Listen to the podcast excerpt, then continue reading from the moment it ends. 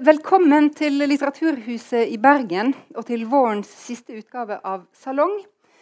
Salong er som dere kanskje vet, en arrangementsrekke som lages i samarbeid mellom Institutt for aktiv psykoterapi og Litteraturhuset i Bergen. I dag stiller vi spørsmålet hva skal vi med psykologene? Det er med vilje stilt på en provoserende måte. For utvilsomt er det jo et gode, er det ikke det? Når vi kan konstatere at det å gå i terapi ikke lenger er like forbundet med skam som tidligere. Det er allment anerkjent at mange kan trenge litt hjelp med sine problemer i løpet av et langt liv. Og det kan virke som om særlig de unge har blitt mer klar over at det hjelper å snakke om det. Men antallet psykologer er stipulert i å øke fra drøyt 6400 i 2008 til mer enn 10 000 i 2030, ifølge en artikkel i Tidsskrift for Den norske psykologforening. Hvorfor er det slik? Hvorfor den økninga? Trenger vi psykologer mer enn før? Og hvis vi gjør det, hvorfor gjør vi det? Er vi blitt sykere? Er vi blitt svakere? Kan det finnes andre forklaringer på denne økninga? Og hvordan bør psykologene sjøl forholde seg til det her?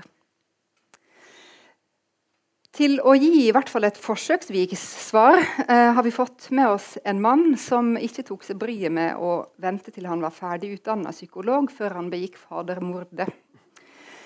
Som et innledende apropos til sin hovedoppgave på profesjonsstudiet i psykologi her eh, i Bergen, spør han i et sitat fra den franske historikeren og filosofen Michel Foucault You know the difference between a real science and a pseudoscience. A real science recognizes and accepts its own history without feeling attacked.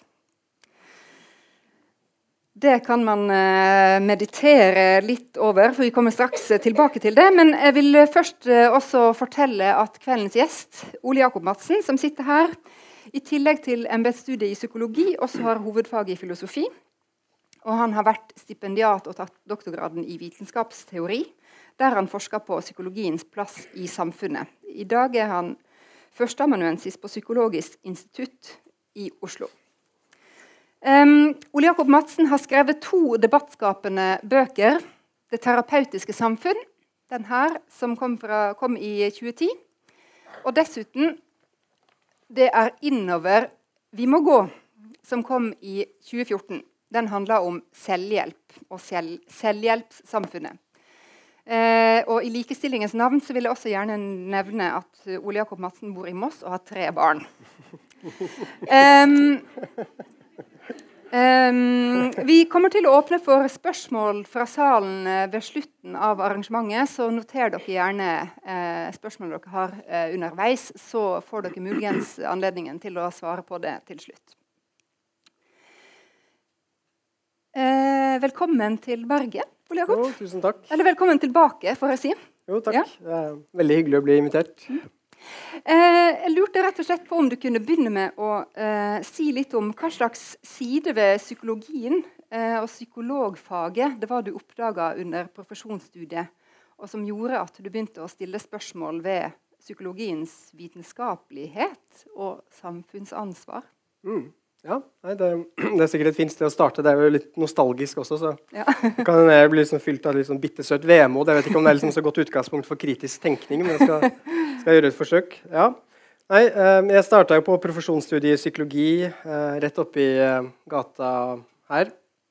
Eh, tok det mellom år 2000 og 2005, så det er, jo en lit, liten stund siden, men ikke så lenge heller. på en måte. Um, og jeg husker når jeg skulle velge, velge, hva slags fag jeg skulle begynne å studere før jeg begynte på psykologi grunnfag, da, så bladde jeg en sånn studiekatalog fra Universitetet i Bergen. og Da eh, fant jeg et bilde av en som skulle illustrere en psykolog. Da. Det var en sånn skjeggete mann i sånn svart-hvitt-bilde i hvit kappe som studerte eh, en hodeskalle. Så jeg tenkte liksom, Dette appellerte veldig til meg. liksom Perfekt. Det var liksom både vitenskapsmann, the scientist og Hamlet eller uh, i en person. At du kan, sånn, kan, studere de store spørsmålene vitenskapelig. Uh, men når jeg begynte på studiet, så følte jeg vel med, ganske raskt at uh, på en måte Hamlet og de store spørsmålene var for lengst skjøvet ut av, av, av faget. Da, at det var veldig mye små spørsmål egentlig det, det dreide seg om. Så det var som første skuffelse. Um, ellers hadde jeg mange erfaringer opp gjennom profesjonsstudiet som, uh, hvor jeg følte vel at psykologifaget kanskje tok for lett, ikke bare for de store spørsmålene, men på en del sånn grunnlagsproblematikk som gikk på mer sånn ja, eh, epistemologi, vitenskapsteori, etikk, politiske implikasjoner av, av, psykologien. Da. Jeg kan forsøke å gi noen eksempler. F.eks. Uh, helsepsykologien, som var mye sånn forebyggende mot eh, røyking, alkoholforbruk, eh, selvmord og sånne ting. Som, eh, vi hadde liksom noen av de fremste ekspertene i Norge som forelesere. og veldig sånn velmenende, dyktige fagfelt. Men hvor jeg følte vel at eh, på en det, deres skal si, mer sånn moralske eh, tenkning da, eh, eller tenkning om dette her var veldig, veldig liksom, etter hvert sånn sjokkerende grunn og, og platt. da. jeg husker f.eks. om selvmordsforskning. så Den personen vi hadde, var veldig sånn eh, det hadde akkurat blitt vist en, en dokumentarfilm eh, på en sånn her, eh, dokumentarfilmfestival på Bergen kino som jeg tilfeldigvis hadde vært og sett. den het The Video Diary of Ricardo Lopez. Ricardo Lopez var en sånn stalker og en uh, besatt av artisten Bjørk på 90-tallet. Han sendte henne en sånn brevbombe når hun bodde i London. Altså, sånn, før han skjøt seg selv foran kamera. Den danske filmskaperen hadde måte, tatt utgangspunkt i det store videomaterialet da, som Ricardo Lopez hadde etterlatt seg, og lagd en film ut av det. Da. Du fikk aldri se det faktiske selvmordet. Da, at det, det, slutter liksom med at du hører at han skyter, skyter seg. Da.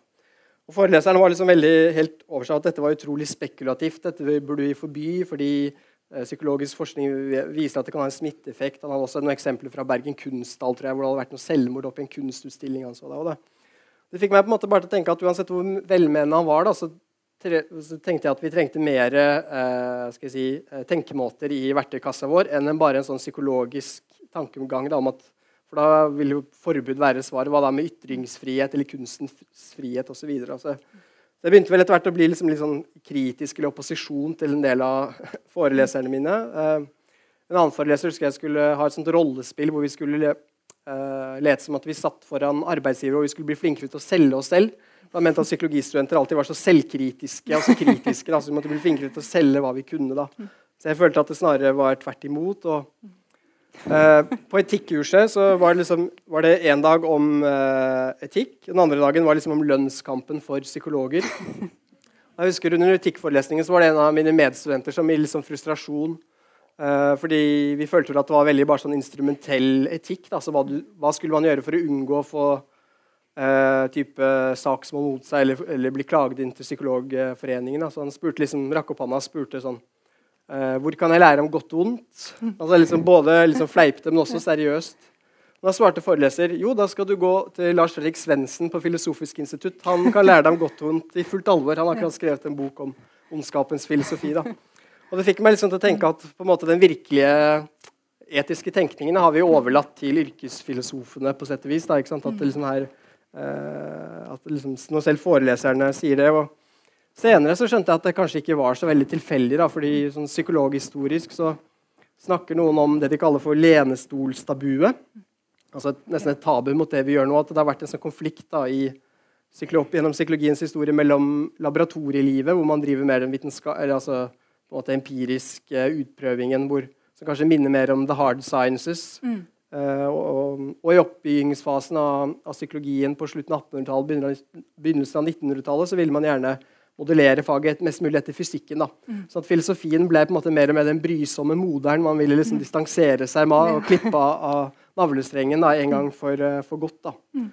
Um, og kanskje ja, uh, det mest liksom, levende eksempelet Uh, og det siste jeg har nå, er Jeg husker at uh, en norsk psykolog som dessverre er død nå, som heter Steinar Kvale, som noen av dere kanskje har hørt om, han er fra Bergen også, tror jeg. Han var og holdt en gjesteforelesning uh, på Psykologisk institutt da, på 2000-tallet. Det var rett etter han har gitt ut en ganske veldig interessant og sånn radikal artikkel i Theory and Psychology om hvordan psykologien har påvirkes av ulike eh, tankemodeller. og Hans eksempel er liksom kirken, fabrikken og markedet. Da. Eh, hvor han sier sånne radikale ting om at uh, I psykologihistorien så har man hvitvasket og overdrevet uh, måte, hvordan psykologien springer ut av vitenskapen, og nedbetonet hvordan psykologien springer ut av teologien, f.eks. Bruker Piaget som eksempel. og sånne ting da. Og tenkte wow, dette var liksom endelig noe som sier sannheten her. eller noe sånt. Da. Uh, det fascinerende var jo at det var en gjesteforelesning både med studenter og de ansatte. og Flere av de ansatte var liksom veldig sånn, i opposisjon til Kvale. da. Uh, en var liksom Nei, det du snakker om, det er bare noe man finner i sånne amerikanske populærpsykologibøker på flyplasser i USA. Dette er ikke relevant for oss. Uh, og så kom Kvale også Han siterte Foucault fra 'Seksualitetens historie', hvor Foucault skriver et eller annet om at mennesket er blitt det bekjennende dyret. Mm. Da var det liksom sånn spratt opp som liksom Hvem er det bekjennende dyret? Er det du? Er det meg? Hvordan kan du bare slenge ut sånne generelle påstander uten liksom å empirisk uh, uh, vurdere det? Og liksom uh, Ja. Uh, Ja. ja. Så det var liksom uh, sånne, sånne type ja. erfaringer da, som, som, ble veldig, veldig formende. Og jeg tenkte at det var noe som, som mangla. Men jeg slutta aldri, da. Så Nei, noe var det vel det. også der. Ikke sant? ja. Noe var nok der. For nå uh, beskriver du et fag som er liksom fullt av humbug og plattheter og, og, og sånt. Men nå er det jo ganske bra med folk her i dag. Nå er det jo faktisk utsolgt.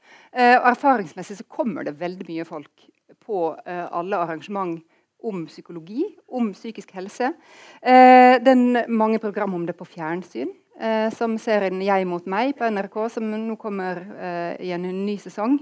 Eh, NRK har nylig også hatt en, en serie om eh, schizofreni, som jeg personlig syns var veldig interessant, som heter 'Stemmen i hodet'. Mm. Og eh, Det er populærkultur, det er full av filosofi, nei, psykologi. og avisene er fulle av det, ukeblader er fulle av det. man kan nesten ikke få nok. Eh, hva er det som gjør at den eh, interessen for psykologi er så stor som mm. den er? Ja, Uh, jeg tror det er mange, mange grunner til, uh, til, det. da. Jeg eh, kan forsøke å antyde kanskje noen, noen svar. Det, uh, det, du beskriver, har jo noen ganger blitt referert til som det noen kaller for liksom den nye åpenheten. Mm. som jeg ofte refererer til enten forskjellige bloggere eller liksom, i sosiale medier som er åpne om sine psykiske lidelser, eller kjendiser i offentligheten som forteller om, om da kanskje med Kjell Magne Bondevik og den depresjonen hans som mm. sånn der, eh, slags, kanskje et gjennombrudd, eller i hvert fall noe som fikk veldig oppmerksomhet på slutten av 90-tallet. Mm. Eh, og det er jo på en måte veldig, tenker jeg, veldig interessant og noe som innbyr til å diskutere sånn er det, er det utelukkende bra? Er det noe problemer med det eller ikke? Eh, mm. Jeg vet ikke hvis noen av dere så eh, det NRK-programmet Lindmo på lørdagskveld. Uh, Nei, De fleste av dere har kanskje mer spennende liv enn meg og ser ikke på lørdagsunderholdninger på NRK. Men uh, da var det i hvert fall intervju med uh, hun artisten Eva Wehl Skram fra Eva and the Heartmakers, som ja. også med i Idol for ti år siden, eller sånn, fra Sogndal. Eller uh, ja, rundt der et sted. og hun fortalte om, og veldig åpent om oppveksten sin, hvordan hun opplevde mobbing i oppveksten. Mm. det var en veldig sånn eps vond episode hvor noen hadde kalt henne for 'feite grisen' på en sånn bursdagsfest i tolvårsalderen. eller sånne ting. Altså, fortalte liksom om en sånn utvikling med utvikling av spiseforstyrrelser og bulimi, som hun hadde slitt med veldig lenge. da. Og på en måte veldig, veldig åpenhjertig. Og det, mm.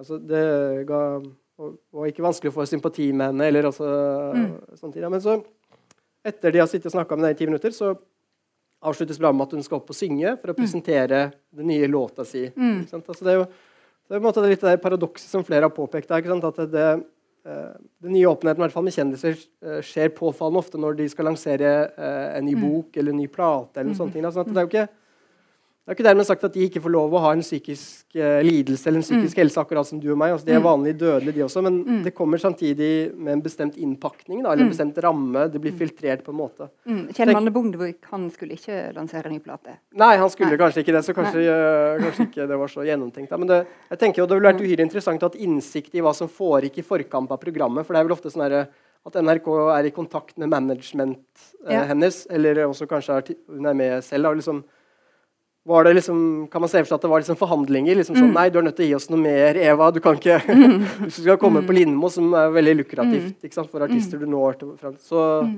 så, er du nødt til å få noe mer av deg. Eller, mm. eller, var det hun selv som plutselig bare Nei, nå skal jeg fortelle denne historien, og jeg vil gjøre det her hos dere. Eller, eller var det management som Eller var det liksom ja, jeg tenker det, en forskningsartikkel 'waiting to happen', hvis noen kunne få innsyn Ja. i, i det. da, men Ja.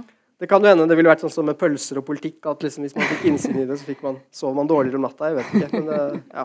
Mm. Ellers så tror jeg, eh, hvis du orker flere svar Ja, jeg orker, orker et lite et til, i hvert fall. Et lite til, ja. ja. Eh, jeg tror det også handler en del om medieutviklingen. Da, og at Mm. eh, på en måte psykologien, eller det jeg kaller for den terapeutiske kulturen, da, som vi skal snakke litt om også, Ja. passer kanskje veldig godt inn i en del som trekk i medieutviklingen. Altså, Mm. Tenk f.eks. på den herre eh, du-journalistikken. Ja. Slik bekjemper du eh, dårlig selvfølelse. Slik Mm. kommer du deg ut av depresjonen. Mm. Eh, det passer veldig godt inn i veldig sånn jeg-nære beretninger. Mm. Eh, jeg husker jeg snakka med eh, den tidligere debattredaktøren i NRK Ytring, Martin Gryne Larsen, som kunne fortelle meg at liksom, sånne kronikker som jeg skrev, eh, var det ikke så mange som leste, men sånne kronikker hvor liksom, det er en person som står fram med som Mm. personlige beretninger, den fikk over dobbelt så mange klikk ja. Enn mer sånne tørre akademiske utlegninger om et eller annet. Ikke sant? Uh, så det er kanskje noe der, altså at, måte, at det er Mm. noe som belønner en sånn type ting. Eller så er det vel også en sånn, en sånn demokratisering av mediene. at for eksempel Med Aftenposten sine sidesider så er det liksom mer at ungdom kan, har en kanal mer direkte. Mm. Eh, sosiale medier, Internett, så klart, har blitt en plattform hvor folk kan komme ut Ja. eh, med sine, sine ting. Så det er jo ja. Men en ting er jo dette her motivasjonen for å fortelle, eh, som kan finnes hos privatpersoner, også både på Facebook og eh, på NRK Ytring sikkert og andre plasser. Men en annen ting er jo den her eh, trangen til å eh, lese om andre og høre om andre eh, som har det vanskelig. Som, eh, Ja. ja. Kan Mm. du som psykolog forklare hvorfor vi har lyst til å lese om andre som har det vanskelig? Sikkert ikke uten å ty til sånne vanlige psykologiske klisjeer som de fleste her kunne sagt, at vi, liksom, vi er sosiale dyr og vi eh, liksom sammenligner oss med andre. og Det er liksom Ja. eh, på en måte veldig naturlig, eh, Ja. naturlig ting. Da. Det, Ja. Jeg tror du ville fått noen sånne svar. Men, Men, det, altså, ja, ja. Det, kan, kanskje også kikkementalitet, hvis du skal litt på en mer sånn nedrige ting. eh. Nedrige motiv. Ja. Ja. Mm.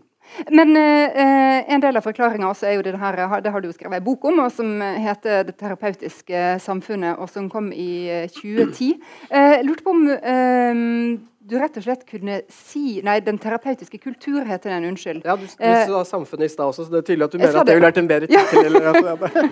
Det kan være den neste boka. Ja.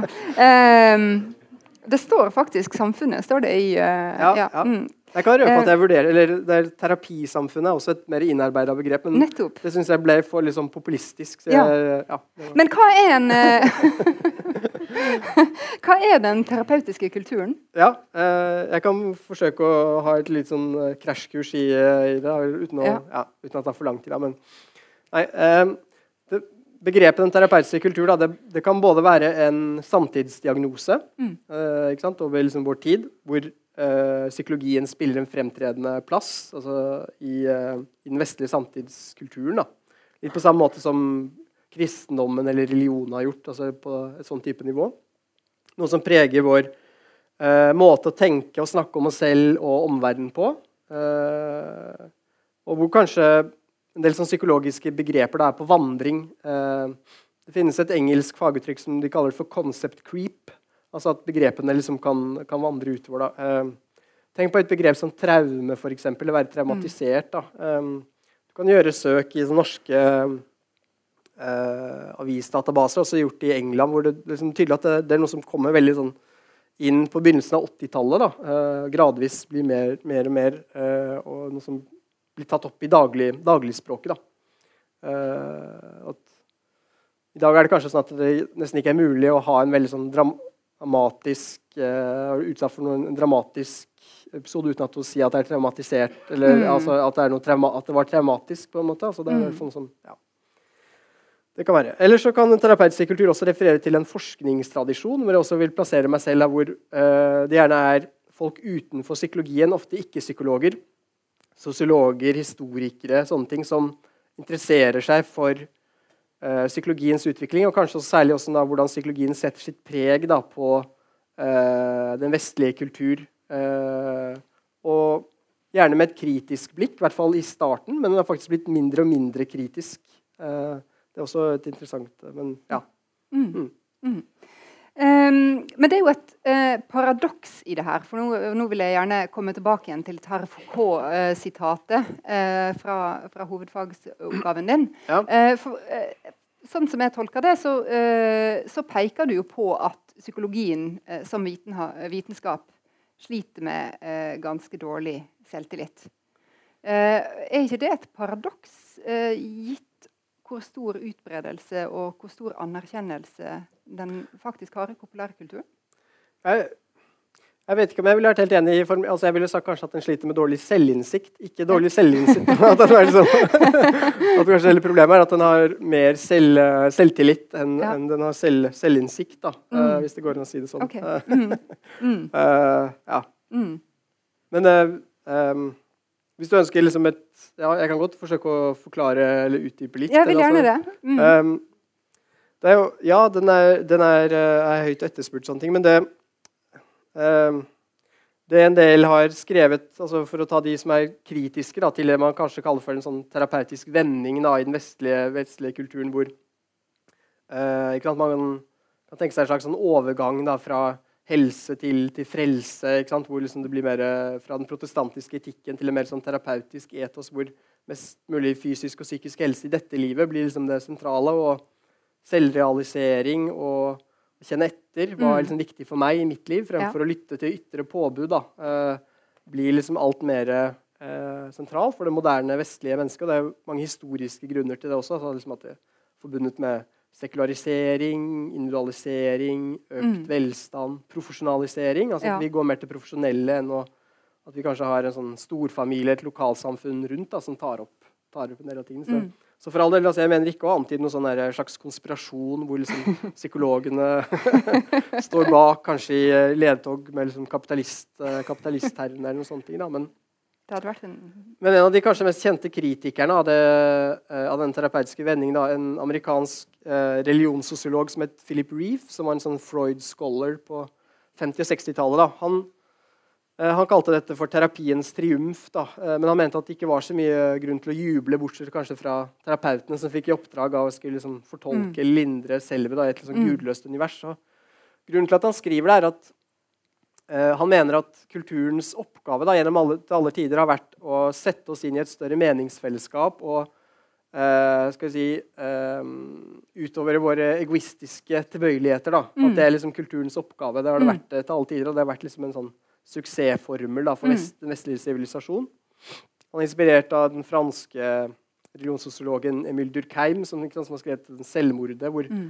Han har en sånn religionsteori uh, hvor religion spiller en viktig rolle i tradisjonelle samfunn. For den regulerer forholdet mellom individ og samfunnets behov. på sett og vis. Altså, det er en slags balanse mellom plikter og rettigheter. på sett og vis. Mm. Så Reef mener da at den terapeutiske kultur da, i realiteten er dømt til undergang da, på sikt. Altså, han, kom, han, er en slags dommedagsprofet, mm. for han sier at ingen kultur i lengden har overlevd uten å ha en slags høyere himmel da, eller en sånn hellig orden over seg, fordi mm. dette, vil, dette, vil, kollapse til mm. slutt. Da, hvis, uh, hvis liksom selve skal stå, stå, i sentrum. Da. Mm.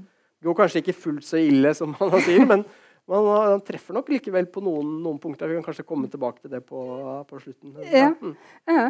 Um, men altså, når ting er som det er, hvis, at, hvis at vi aksepterer premisset om at vi lever i eh, en terapeutisk eh, kultur, og ikke i et terapeutisk samfunn, men i en terapeutisk kultur, eh, så eh, er det jo som ofte sånn eh, i de fleste, fleste, kulturer at det er noen som står igjen som vinnere.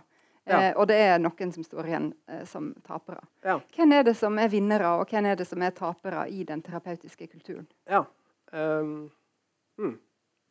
Ja, det er helt, helt mer på tankegangen. Det er ikke sikkert at jeg kan svare sånn som ville tilfredsstilt han hissige professoren som argumenterte med liksom, hvem er det bekjennende dyret. Men, ja. men, jeg kan forsøke liksom, antyde et svar uten at mm. jeg kan si sånn Det er deg som taper, du vinner. Men ja. uh, det flere peker på, er at det ser ut som den terapeutiske kulturen uh, følger uh, fremveksten til den moderne, liberale individualismen og kanskje en sånn rettighetskultur da, hvor mm. flere svake grupper enn tidligere, type barn, kvinner, folk med psykiske lidelser, folk som liksom har forskjellige mm. uh, dysfunksjoner, uh, funksjonsnedsettelser og sånne ting, får uh, på en måte rettigheter. Og også dette med at lidelsen, eller privat lidelse, som tidligere mer var dømt til å måtte være innenfor hjemmets sfære, da, får i større grad av anerkjennelse også i, i offentlige, eller det offentlige. Da. Mm. Og det er en god ting? er det ikke? Ja, ikke sant? Og mm. jeg har også um, Det mest sånn kanskje psykologipositive vitenskapelige arbeidet jeg har gjort. Uh, det er en artikkel om abortlovgivningens historie i Norge, skrevet sammen med en forsker fra Universitetet i Bergen, uh, Merete Flatseth, som skrev en doktorgrad om uh, abortpolitikk og stortingsdebatter, både om bioteknologi og om også aborthistorien. Mm. og der finner vi at altså på en måte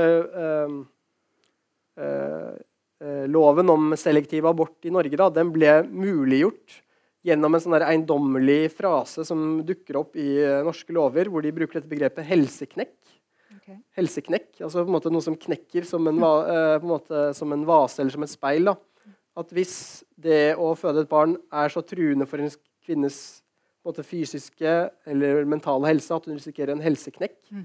så kan abort innvilges. Da. I starten ja. så var det foran en sånn eh, nemnd av leger som skulle vurdere det. som man måtte og hun Forfatterinnen Tove Nilsen har beskrevet liksom en sånn der, ganske godt en sånn, mulig den er selvbiografisk, den opplevelsen av å stå foran en sånn kommisjon. da, og hvor Hun beskriver at til slutt så brøt jeg sammen, og det var det som reddet meg, hvor de innvilget abort. da, liksom at det, at det blir liksom en sånn idé om den sårbare uh, kvinnen, skjøre kvinnen, som kan knekke, også psykisk. da.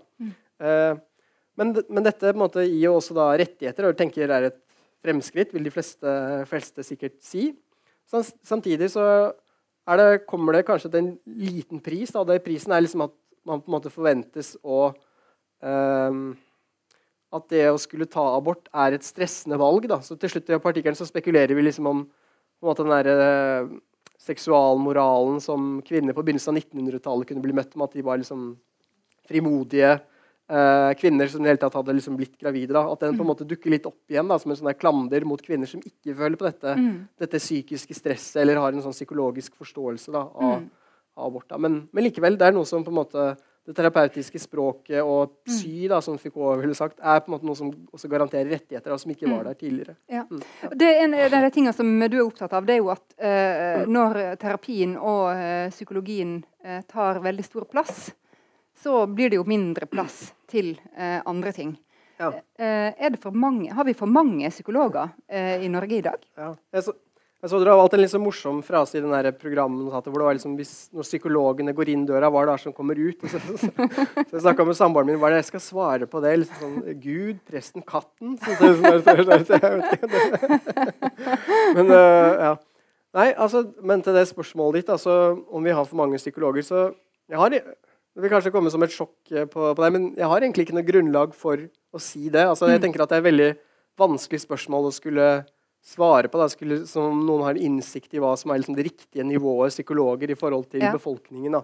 Selvfølgelig kan man diskutere at det er for lite, eller å, å sammenligne. men og på en måte det, i forlengelsen av det, da, eh, om det er kanskje blitt for lett å gå mm. til psykolog i dag, eller gå i mm. terapi, er det mm. også noen som sier. Og det, å skulle si ja på det blir fort veldig umusikalsk. da, fordi du har fortsatt det store problemet sant, med at det er for de som virkelig trenger det, så er det, det er ikke så lett alltid å komme seg til psykolog. Nei. Eh, jeg husker Tidsskrift for Norsk Psykologforening publiserte en, en sånn artikkel som gjorde ganske inntrykk for meg eh, for noen år tilbake, hvor det var foreldrene til han artisten St. Thomas, hvis det er noen som husker det. Ja. Thomas Hansen. Han døde 31 år gammel i 2007, tror jeg.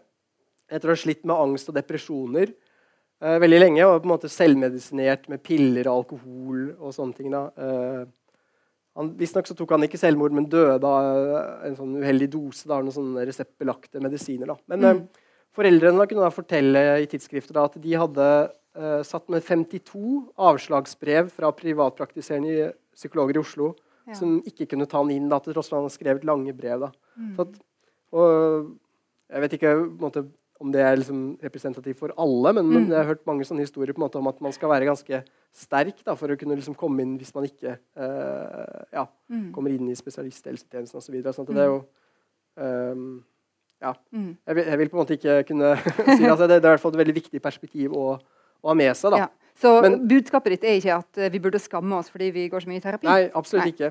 Så det er kanskje mer, eh, kanskje mer sånn den kritiske uh, bevisstheten i meg våkner, er vel mer sånne eksempler hvor noen kommer opp med den gode ideen av at ja, kanskje, kanskje øh, psykologene kan komme inn og gjøre det. Altså for et par år siden så var det to helsepolitikere i Høyre for eksempel, som innførte, hadde en sånn idé om at øh, folk som mista arbeid, skulle få tilbud om å gå til psykolog. Da. At det mm. skulle bli liksom, det, ble, det gikk ikke igjennom. Da, ja. uh, da våkner kanskje liksom, det litt mer sånn kritiske sansen i meg. at liksom, sånn, ja. ja.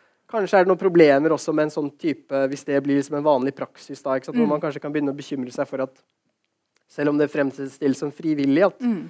uh, at vi etter hvert vil få en mer sånn psykologisk forståelse av arbeidsledighet. kanskje, At det er liksom mm. et et individuelt problem, et individuelt ansvar. Løsningen mm. ligger hos dem selv. Uh, ja, i det ja. hele tatt. Ja. Det liksom, uh, et annet eksempel kan være også norske skole. Der er det jo flere som Psykologforeningen blant andre, og flere også elevorganisasjoner som har gira for at uh, psykologi enten skal bli et eget fag, eller at livsmestring skal inn i skolen. Det er mm. liksom én side av det. Og så uh, bestilte uh, Torbjørn Røe Isaksen, kunnskapsministeren, en sånn NOU-utredning for et par år siden som heter 'Fremtidens skole', skrevet mm. av Stein Ludvigsen, professor i pedagogikk, og en del andre.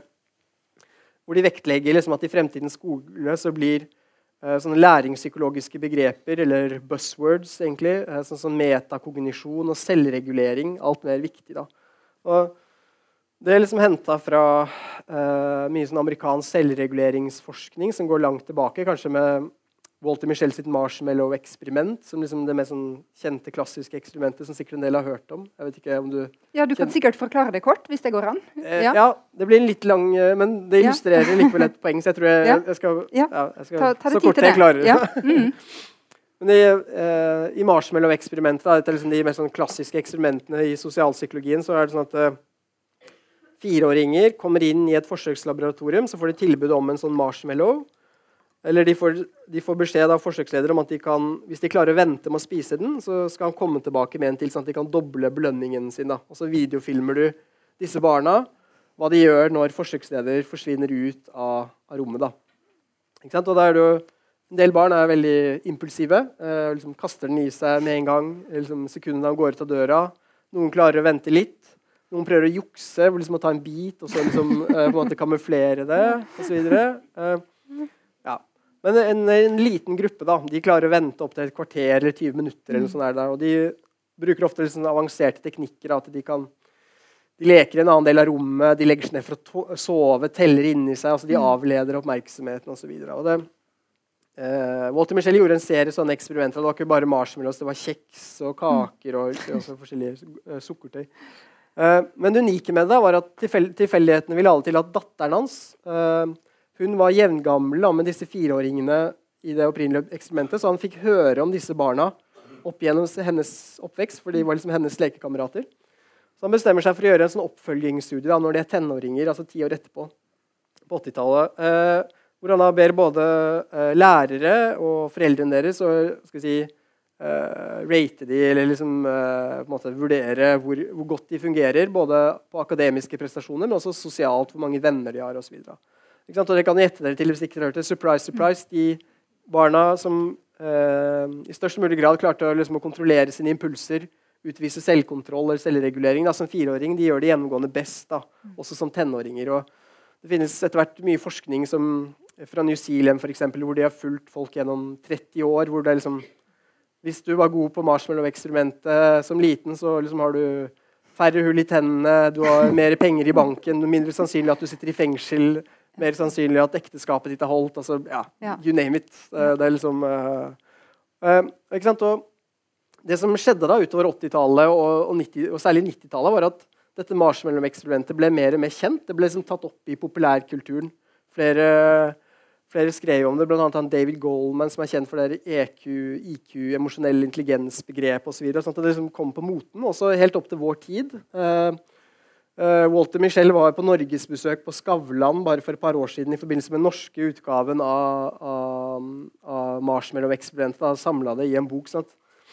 det man i kunsthistorien har kalt for virkningshistorien. Da. Altså, den har liksom bare, bare økt. Da. Det veldig, og, og, det har liksom avledet til en veldig sånn idé om at uh, det, nøkkelen til suksess her i livet er selvkontroll. Mm. Og det positive budskapet er at du kan trene på den. Du kan trene det opp. da. Uh, Sammen med intelligens er det liksom de to viktigste faktorene. Intelligens kan du kanskje ikke gjøre så veldig med. Det tenker man er liksom mest mulig medfødt. Altså det, har ført til en sånn masse selvhjelpsbøker med sånn der, 'Don't eat the marshmallow yet' og, og sånne ting. Og det, liksom, poenget da, som jeg skal komme til nå, er at i 2013 så kom det en sånn replikasjonsstudie av Celeste Kidd, som hadde øh, erfaringer med å jobbe med barnehjemsbarn. Øh, og hun tenkte liksom en dag hvordan ville disse gjort det på marshmallow-testen. Og hun tenkte liksom Nei, jeg trodde kanskje ikke de ville gjort det så veldig, veldig bra. Uh, men det var noen spesielle grunner til det. Så hun, hun lag, gjorde da en uh, viktig forskjell. Da. Altså, de fikk gjøre marshmallow-testen, men før de fikk gjøre det, så delte de den i to grupper. Den ene gruppen av barn de fikk oppleve en forsøksleder uh, som sa hvis dere venter med å leke med disse tegnestiftene, skal jeg gå på lageret og hente et enda større tegnestiftskrin. Og de gjorde det, og han kom tilbake. Og de gjentok det en gang til med noen leker. og liksom han kom tilbake. De ble belønna for det. da. Um, så da etablerte de tillit til han. Mens den andre gruppa uh, så fikk de liksom samme instruks. Men når han kom tilbake, sa han nei, sorry, det var tomt på lageret. Uh, og den andre gangen nei, jeg tok feil. Så de ble skuffa to ganger. Uh, så de hadde ikke tillit i samme grad til han. da. Og når de da, disse to gruppene gjorde marshmallow-eksperimentet, så var det i den gruppa med tillit så var det bare, eller så var det 9 av 14 klarte å vente et helt kvarter. Gjennomsnittlig ventetid med 12 minutter. eller noe sånt. Mm. Mens i den andre gruppa var det bare ett av 14 barn som venta hele tiden. da. Gjennomsnittlig mm. ventetid var tre minutter. eller noe sånt. Altså, dramatisk mm. forskjell. da. Uh, og det hun sier, da, Celeste Kidd og kollegene, er liksom at uh, med dette så har vi ikke vist at måte, selvkontroll og selvregulering er, er, uviktig. Men sannsynligvis uh, si, bakgrunnen for det, det er mye mer kompleks enn det vi har trodd til nå. At Sannsynligvis så handler det mye mer om rasjonelle betingelser, om oppvekstmiljø, om sosial klasse osv. Mm. Hvis, du hvis du um, vokser opp eh, på et eh, barnehjem, kanskje, eller altså, hvor du kanskje må dele rom med flere andre, så er kanskje det mest rasjonelle å spise godteriet ditt med en gang. For du kan mm. ikke være sikker på at noen bare tar det fra deg, eller at noen stjeler tingene dine ut av mm. rommet ditt. så det for de er det, er det kanskje rasjonelt. Mm. Mens liksom barn som er vokst opp i veletablerte hjem, så har kanskje foreldrene inngått sånn veddemål Uh, jeg husker at Faren min gjorde det med meg. faktisk. Jeg tror jeg aldri hadde hørt om marshmallow-eksperimentet. men sånn der, Hvis ikke du spiser godteri på et halvt år, skal du få så, så mye penger osv. De, ja. de blir veldig lei seg hvis foreldrene ikke holder det de lover. Da, sånn det er to helt vidt forskjellige utgangspunkt da, her mm. i livet. Mm. Så hun sier at det beste vi kan gjøre kanskje for disse barna, er kanskje ikke så mye sånn individuelle program for selvkontroll osv., men å skape en verden som gjør at de føler at det er noe verdt å vente på da, sant, for disse barna. Det, jeg føler at det er på en måte to forskjellige verdenssyn som står mot hverandre. og Det mm. interessante er at det er på en måte den mer individuelle fortellingen da, som er tatt ut av Walter Michel sitt marshmallow-eksperiment. og. Han beklager seg også dette i intervjuet i senere tid. at jo, men i den første pilotstudien på 50-tallet så, så jeg f.eks. om barna hadde en hjemmeværende far eller ikke. som kunne være en indikasjon på om de kom fra stabile hjem eller ikke. Mm. Det er ingen som har skrevet om det siden. ikke sant? Sånn at det liksom, så selv om ting er på en måte vitenskapelig, da, så er det visse sider som kanskje blir løfta fram. Da. Mm. Dette er bare sånn veldig veldig langt apropos da, til dette Ludvigsen-utvalget, som løfter fram liksom, selvkontroll og metakognisjon. For da er det liksom en slags sånn individualistiske svar da, eller løsninger på ja. fremtidens skole for de elevene som sliter. Mm. Og kanskje ja, Man kan jo håpe at det kan hjelpe litt med sånne programmer, men mm. faren er også der for at det smugler inn et type menneskesyn da, hvor mm. de blir sittende igjen egentlig bare mer med ansvaret for mm. egen læring. Og, ja. og, ja. Men der kommer jo spørsmålet inn. ikke sant? Hvordan i all verden skal eh, psykologer uh, forholde seg uh, til det her i sitt daglige arbeid? For du, uh, Hvis jeg ikke husker helt feil, så trekker du jo frem også et eksempel i boka di. med, eller Det var et tenkt eksempel tror jeg, med en renholder ja. som har fått veldig mange flere rom å vaske. eller har fått veldig mye, mye mer å gjøre på jobben, rett og slett. Eh, og eh, blir stressa og sykemeldt. Ehm, og så blir vedkommende da sendt på et stressmestringskurs. Eh, mens som du skriver da, kanskje hadde hun egentlig trengt en fagforening mer enn en psykolog. Ja. Eh, er det en god idé for psykologer å si du, jenta mi, jeg tror at du skal melde deg inn i LO? Ja, det, det tror jeg. Men samtidig så skriver jeg eller altså jeg håper jeg skriver i hvert fall i andre utgaven, at jeg tenker at det er ikke sånn at jeg mener at, at psykologen skal avvise Tove. da, At han mm. liksom skal la være å behandle henne individuelt. på mm. av det. Um, ja, det Eksempelet da er uh, skrevet på bakgrunn av en sånn kritikk som den tyske sosiologen Ulrik Beck da, har i en sånn bok han skrev på 80-tallet som heter 'Risikosamfunnet', hvor han snakker om individualisering. altså dette at uh, En sånn prosess som går gjennom tilsynelatende i hvert fall det 19. århundre, hvor enkeltmenneskelige forklaringer, altså egenskaper ved oss selv, alt mer ser til å bli brukt som eh, forklaringer på hvorfor noen lykkes i livet og andre mm. ikke gjør det. Da, ikke sant? At du har liksom individuelle forklaringer da, framfor mer samfunnsmessige forklaringer. Da. Et eksempel han bruker er for forståelsen av arbeidsledighet i Vest-Tyskland på 80-tallet, hvor han mener å kunne se at man snakker mindre og mindre om det som en type nasjonal krise, som et strukturelt problem, men ja. mer og mer som at eh, den enkelte har gjort eh, vært lite langsiktig, gjort dårlige karrierevalg, ja. uh, må omstille seg osv. Og, så og at folk også etter hvert da begynner å ta til seg dette mer uh, jeg-nære mm. språket og, klam og, klandrer seg selv i større grad. Ja. Og så sier han at ja, en del av disse kanskje vil havne hos, hos psykologer. Mm. psykologer spiller en viktig rolle, men hvis ikke de har det han kaller for sosiopolitisk bevissthet, mm. altså om hvor, hvordan deres problemer da, kan henge sammen med de strukturelle tingene, mm. så risikerer de bare å forsterke individualiseringen. Mm. Og det høres ut som han har sånn agg mot psykoanalysen. for han sier at liksom, hvis, hvis, de bare relaterer problemene til klientens barndom, f.eks., ja. så risikerer de bare å kortslutte hele årsakskretsen og egentlig bare da bli en sånn nyttige idioter da, for, mm. For, uh, for uh, samfunnsutviklingen eller ja. senkapitalismen. Da. Og det, ja. ja nei, for det jeg lurer på, er jo egentlig om du syns at norske psykologer i dag har den sosiopolitiske bevisstheten som Beck etterlyser? Eh, ikke i tilstrekkelig grad. Jeg kunne i hvert fall ønske meg mer, mer av det. Mye mer av det. Eh, noen ganger til studentene mine så eh, viser jeg til en sånn frigjøringsteolog eller psykolog, Ignacio Martin Baro, som opererte i Latin-Amerika og i El Salvador da, på 1980-tallet. Han ble drept av militærjuntaen der i 1989, tror jeg det var. Uh, men han jobba ut ifra sånne her, du kjenner til det Paulo Freies 'De undertryktes pedagogikk' og en sånn eh, bevisstgjøringstankegang. Da. Og Han har et sånt eh, essay som heter 'Psykologens rolle', hvor han har en veldig sånn fin formulering om at han sier at ingen psykologisk intervensjon, altså f.eks. terapi, kan være vellykket hvis ikke du setter eh, klienten i stand til å forandre noe objektivt i den virkeligheten han eller hun lever under. Da. Mm. Eh, sånn det er ikke bare liksom, å forandre eh, pasientens si, tanker, følelser eller videre, men, men, du må også sette den i stand til å forandre noe objektivt ved den ytre virkeligheten de lever under. og det, mm. Den tankegangen lurer jeg liksom på om kanskje har gått litt tapt da, på mm. vei til uh, kanskje igjen, som du sier, i et mer sånn type sånn stressdiskurs eller, uh, mm. eller, sånne ting. da. Det, um, ja.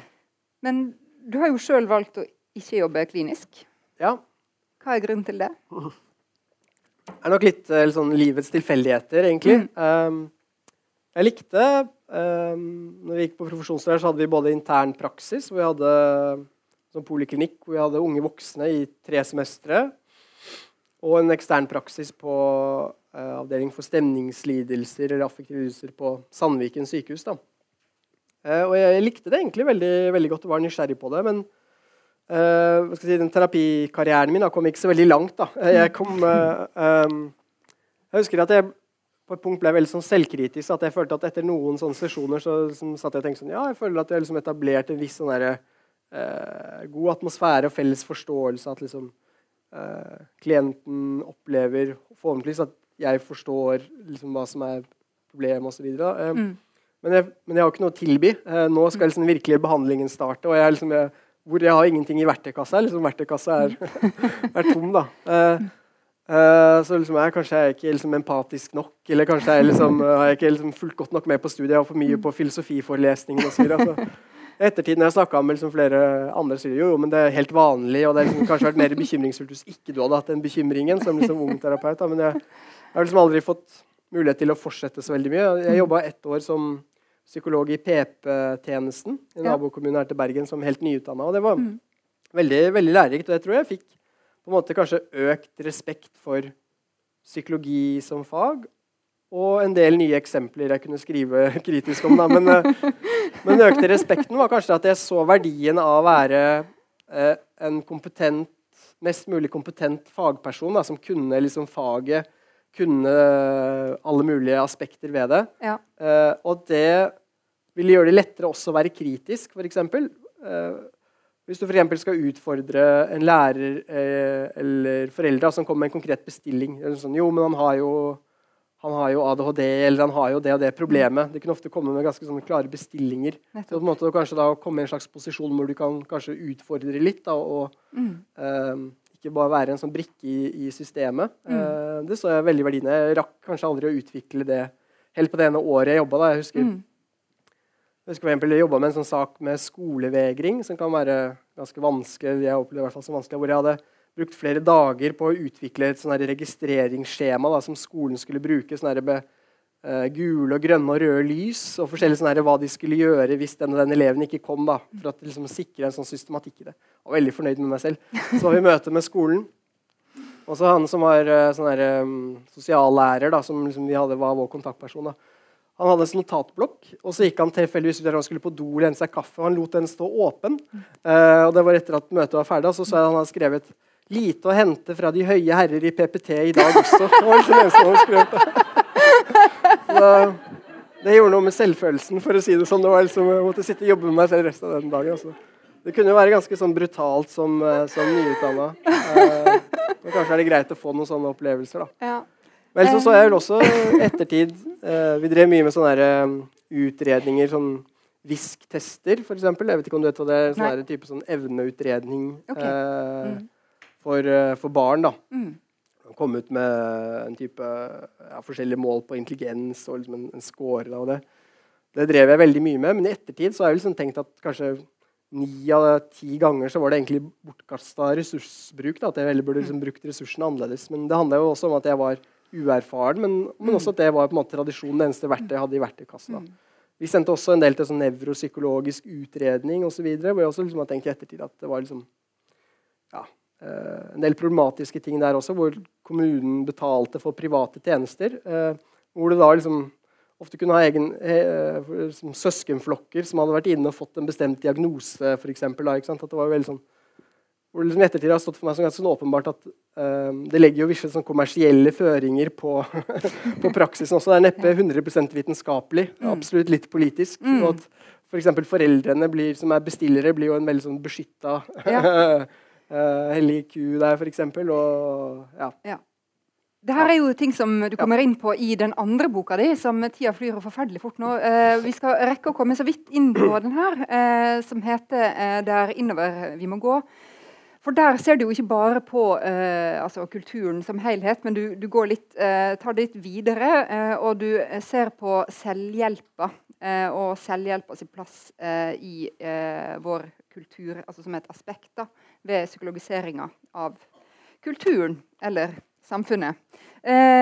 Og hvis man skal forstå det rett, så er ikke selvhjelp det er ikke bare en overdimensjonert hylle i bokhandelen. Det er også en ideologi som har tydelige avliggere både i psykologprofesjonen, i skoleverket og i den nasjonale helseadministrasjonen. Kan du kort forklare fremgangen til selvhjelpsbegrepet og selvhjelpen i ja. ja, jeg, jeg kan forklare det. Jeg vet ikke om jeg klarer å gjøre det kort. det er jo selve selvhjelpsbegrepet sin utvikling. Da, for der tenker jeg jeg ganske, føler meg sikker på at det har skjedd en psykologisering i vår forståelse av selvhjelp. Da. Jeg, skriver litt kort om det i innledningen at mm. Tradisjonelt sett så var liksom det hjelp til selvhjelp det handla egentlig om at f.eks. Norge i krisetider skulle være selvforsynte til å klare seg i størst mulig grad selv. Så det er liksom et, et begrep fra liksom storpolitikken. Også mer fra mer sånn utviklingsarbeider og sånne ting, hvor man snakker om hjelp til selvhjelp. Men men som jeg skriver at hvis ikke du kanskje er, eh, driver med humanitært, humanitært, arbeid eller er statsviter, så vil du forbinde selvhjelp med noe psykologisk i dag. Da, at det ser ut som det er blitt mer og mer. Og igjen så er det et sitat fra Foucault. Ja. uh, men det er liksom at um, In the name of psychological science we seek self-fulfillment. Altså at i psykologiens, den vitenskapelige psykologiens navn så søker vi uh, selvforbyldelse eller, eller ja, så det er jo noe med at eh, Som noen også sier, at eh, selvhjelpskulturen, da, hvis vi kan kalle det sånn, er et uttrykk for uh, at psykologien er på en måte fått en sånn kulturell legitimitet da, som en sånn type autoritet eller ekspertvitenskap som vi, som vi ser til. liksom så jeg tenker på det kanskje som en slags sånn forlengelse da, av den terapeutiske kulturen. Det er ikke bare psykologi, men, mm. men det er også liksom en, en, slags forlengende arm av det. Mm. Og det har også på mange måter vært en villet utvikling. Uh, I doktorgraden min så interesserte jeg meg veldig for en sånn, uh, et sånt motto uh, fra George Miller, en sånn president i den amerikanske psykologforeningen på 60-tallet, som er, heter 'Giving Psychology Away', altså å gi bort psykologien. Være raus med psykologien hvor han presenterer en sånn visjon da, som har fått ganske stor innflytelse. Bl.a. opprettelse av sånne selvhjelpsgrupper i den amerikanske psykologforeningen. Sånn han har liksom en sånn visjon om en sånn psykologisk revolusjon. Eh, for Han beskriver et sånn klassedelt amerikansk samfunn da, på 50-60-tallet hvor det er liksom bare de rike og mektige som har mm. tilgang til psykolog. mens hans visjon er liksom en demokratisering av psykologien. At psykologi skal bli noe du og jeg kan bruke på oss selv. På vi trenger ikke å gå til, til psykologer. da et veldig radikalt budskap. da. Han liksom, det er tydelig at han får mye motstand. Nei, nei, dette er liksom noe som tilhører fagekspertisen. Men uh, i den artikkelen jeg har skrevet ned, så problematiserer jeg også det, for han har helt åpenbart et sånn opplysningsideal i bunnen da, om at måte, mer innsikt gir mer lykke. altså måte, Bare vi oppdager de psykologiske lovene, så vil vi liksom leve mer eller mindre fullkomne, lykkelige liv. da. Uh, og Det er vel kanskje en del som tyder på at det ikke helt er tilfellet. Det ikke helt holder mål. Og Jeg gir eksempel da, for eksempel med et sånt psykologisk begrep som selvfølelse. da. Hvor også kanskje snakke om kanskje en sånn begrepsvandring. da, ikke sant? At, uh, jeg viser med eksempel hvordan det har blitt tatt opp av den kosmetiske uh, kirurgindustrien her i Norge og vært med på å på en måte stue, gjøre det mer uh, alminnelig og salgbart. det er liksom, jeg har et sånt sitat for eksempel, med en, en um, Uh, privat, eller en kirurg som sier i 'Kvinner og klær' at liksom, jeg, jeg, kan ikke nødvendigvis gjøre deg lykkelig, men kanskje det kan en operasjon gjøre noe med selvfølelsen din. For eksempel. altså, de har lært seg på en måte dette terapeutiske språket. Da. Samtidig så blir det også da, veldig vanskelig å skulle være en kritisk psykolog da, til, til, kosmetisk kirurgi, fordi uh, kritikken blir fort bare sånn metodisk. at liksom, nei, sånn, nei, For å jobbe med selvfølelse må du gå i psykoterapi så og så lang tid. Uh, dette er overfladisk. Men det blir på en måte bare en sånn metodisk kritikk. ikke sant? At fordi det, man og fort veldig at man havner i den moralistrollen. da. Mm. Fordi hvem er jeg til å si at ikke det å ta en operasjon kan bedre selvfølelsen hvis de ja. føler det sånn? Eksempel, ja. Men det er de tingene som jeg syns er veldig interessant uh, med den boka. For den viser veldig tydelig hvor ullen, altså for ikke å si uh, fraværende, den grensa mellom den vitenskapelige psykologien på den ene sida uh, og den helt uvitenskapelige synsinga uh, om f.eks. velvære eller selvfølelse på den andre kan være. hva er det som er grunnen til at psykologien psykologien som vitenskap er så lett å misbruke? Um, jeg tror det ja, det Jeg tror det handler om, om mange ting. Altså, det er vel liksom noe med at den, den er på en måte uh, særlig kanskje appellerende i større grad enn liksom, la oss si, sosiologien eller, eller mm. fysikken. Mm. eller sånne ting. Fordi den tilbyr på en måte skal jeg si, et in intimt språk. Da. Altså, det, er ikke, det, er ikke, like sexy å snakke om liksom, strukturene eller mm. uh, gravitasjonsfelt eller hva det måtte være. Men ja. du kan liksom, du kan, den tilbyr på en måte et jeg-nært språk som passer inn i en sånn ja, Kanskje en sånn vestlig utvikling med at vi, um, vi er uh, individ som bare lever én gang, som ønsker liksom, å leve et mest mulig rik altså, jo, Den passer jo også inn på en måte i den mer sånn eksistensielle dimensjonen, som kanskje mm. tidligere mer var prega av uh, metafysiske eller religiøse ideer. Da, ja. Så er det liksom psykologien som er mm. Mm. Tror det Mm. Um, og så lurte på, for Det finnes jo en hel uh, sektor av altså mer eller mindre velfunderte typer av selvhjelp og uh, coaching og rådgivning som grenser opp mot uh, terapi. og for den gjengse hva jeg skulle si, borger eller pasient kan det være veldig vanskelig å se forskjellen. Men jeg lurte på, altså, kan man ha utbytte av slike terapier eller råd, selv om de er uvitenskapelige? Ja, man, altså man kan jo sikkert, Du er jo forfatter, holdt jeg på å si. Altså, du er kanskje mer inne i litteraturvitenskapen. så du kan jo sikkert, altså hvis, Det kommer an på hvor mye du krever, da, men altså man kan jo sikkert ha eh, en god leseropplevelse, f.eks. En fullstendig uvitenskapelig bok. altså Hvis ikke man krever, krever mer enn det. Eller at det skal være liksom feel good, eller noe man kan le av, kanskje. Enten liksom ironisk eller, eh, eller reelt.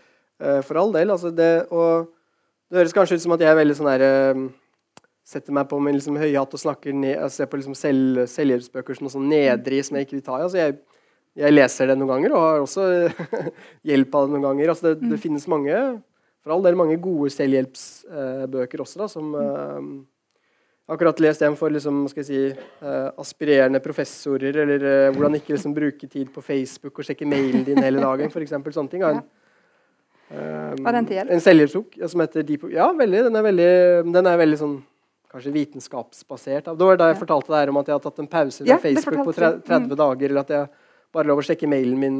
Nettopp. Selvfølgelig så har det brutt sammen nå, da, så nå trenger jeg å lese den igjen eller kjøpe en ny variant av den samme boken. Ja, men jeg kan anbefale en annen bok. Det varte en, det varte en stund, i hvert fall. Så var det liksom mot min digitale avhengighet. Til, ja. Tusen takk til publikum som kom. Eh, salong er tilbake til høsten. Inntil da eh, fortsett diskusjonene i baren og der dere måtte ha lyst til det. Tusen takk til deg, Ole Jakob Madsen. Og takk for at jeg fikk komme. Ha en god kveld.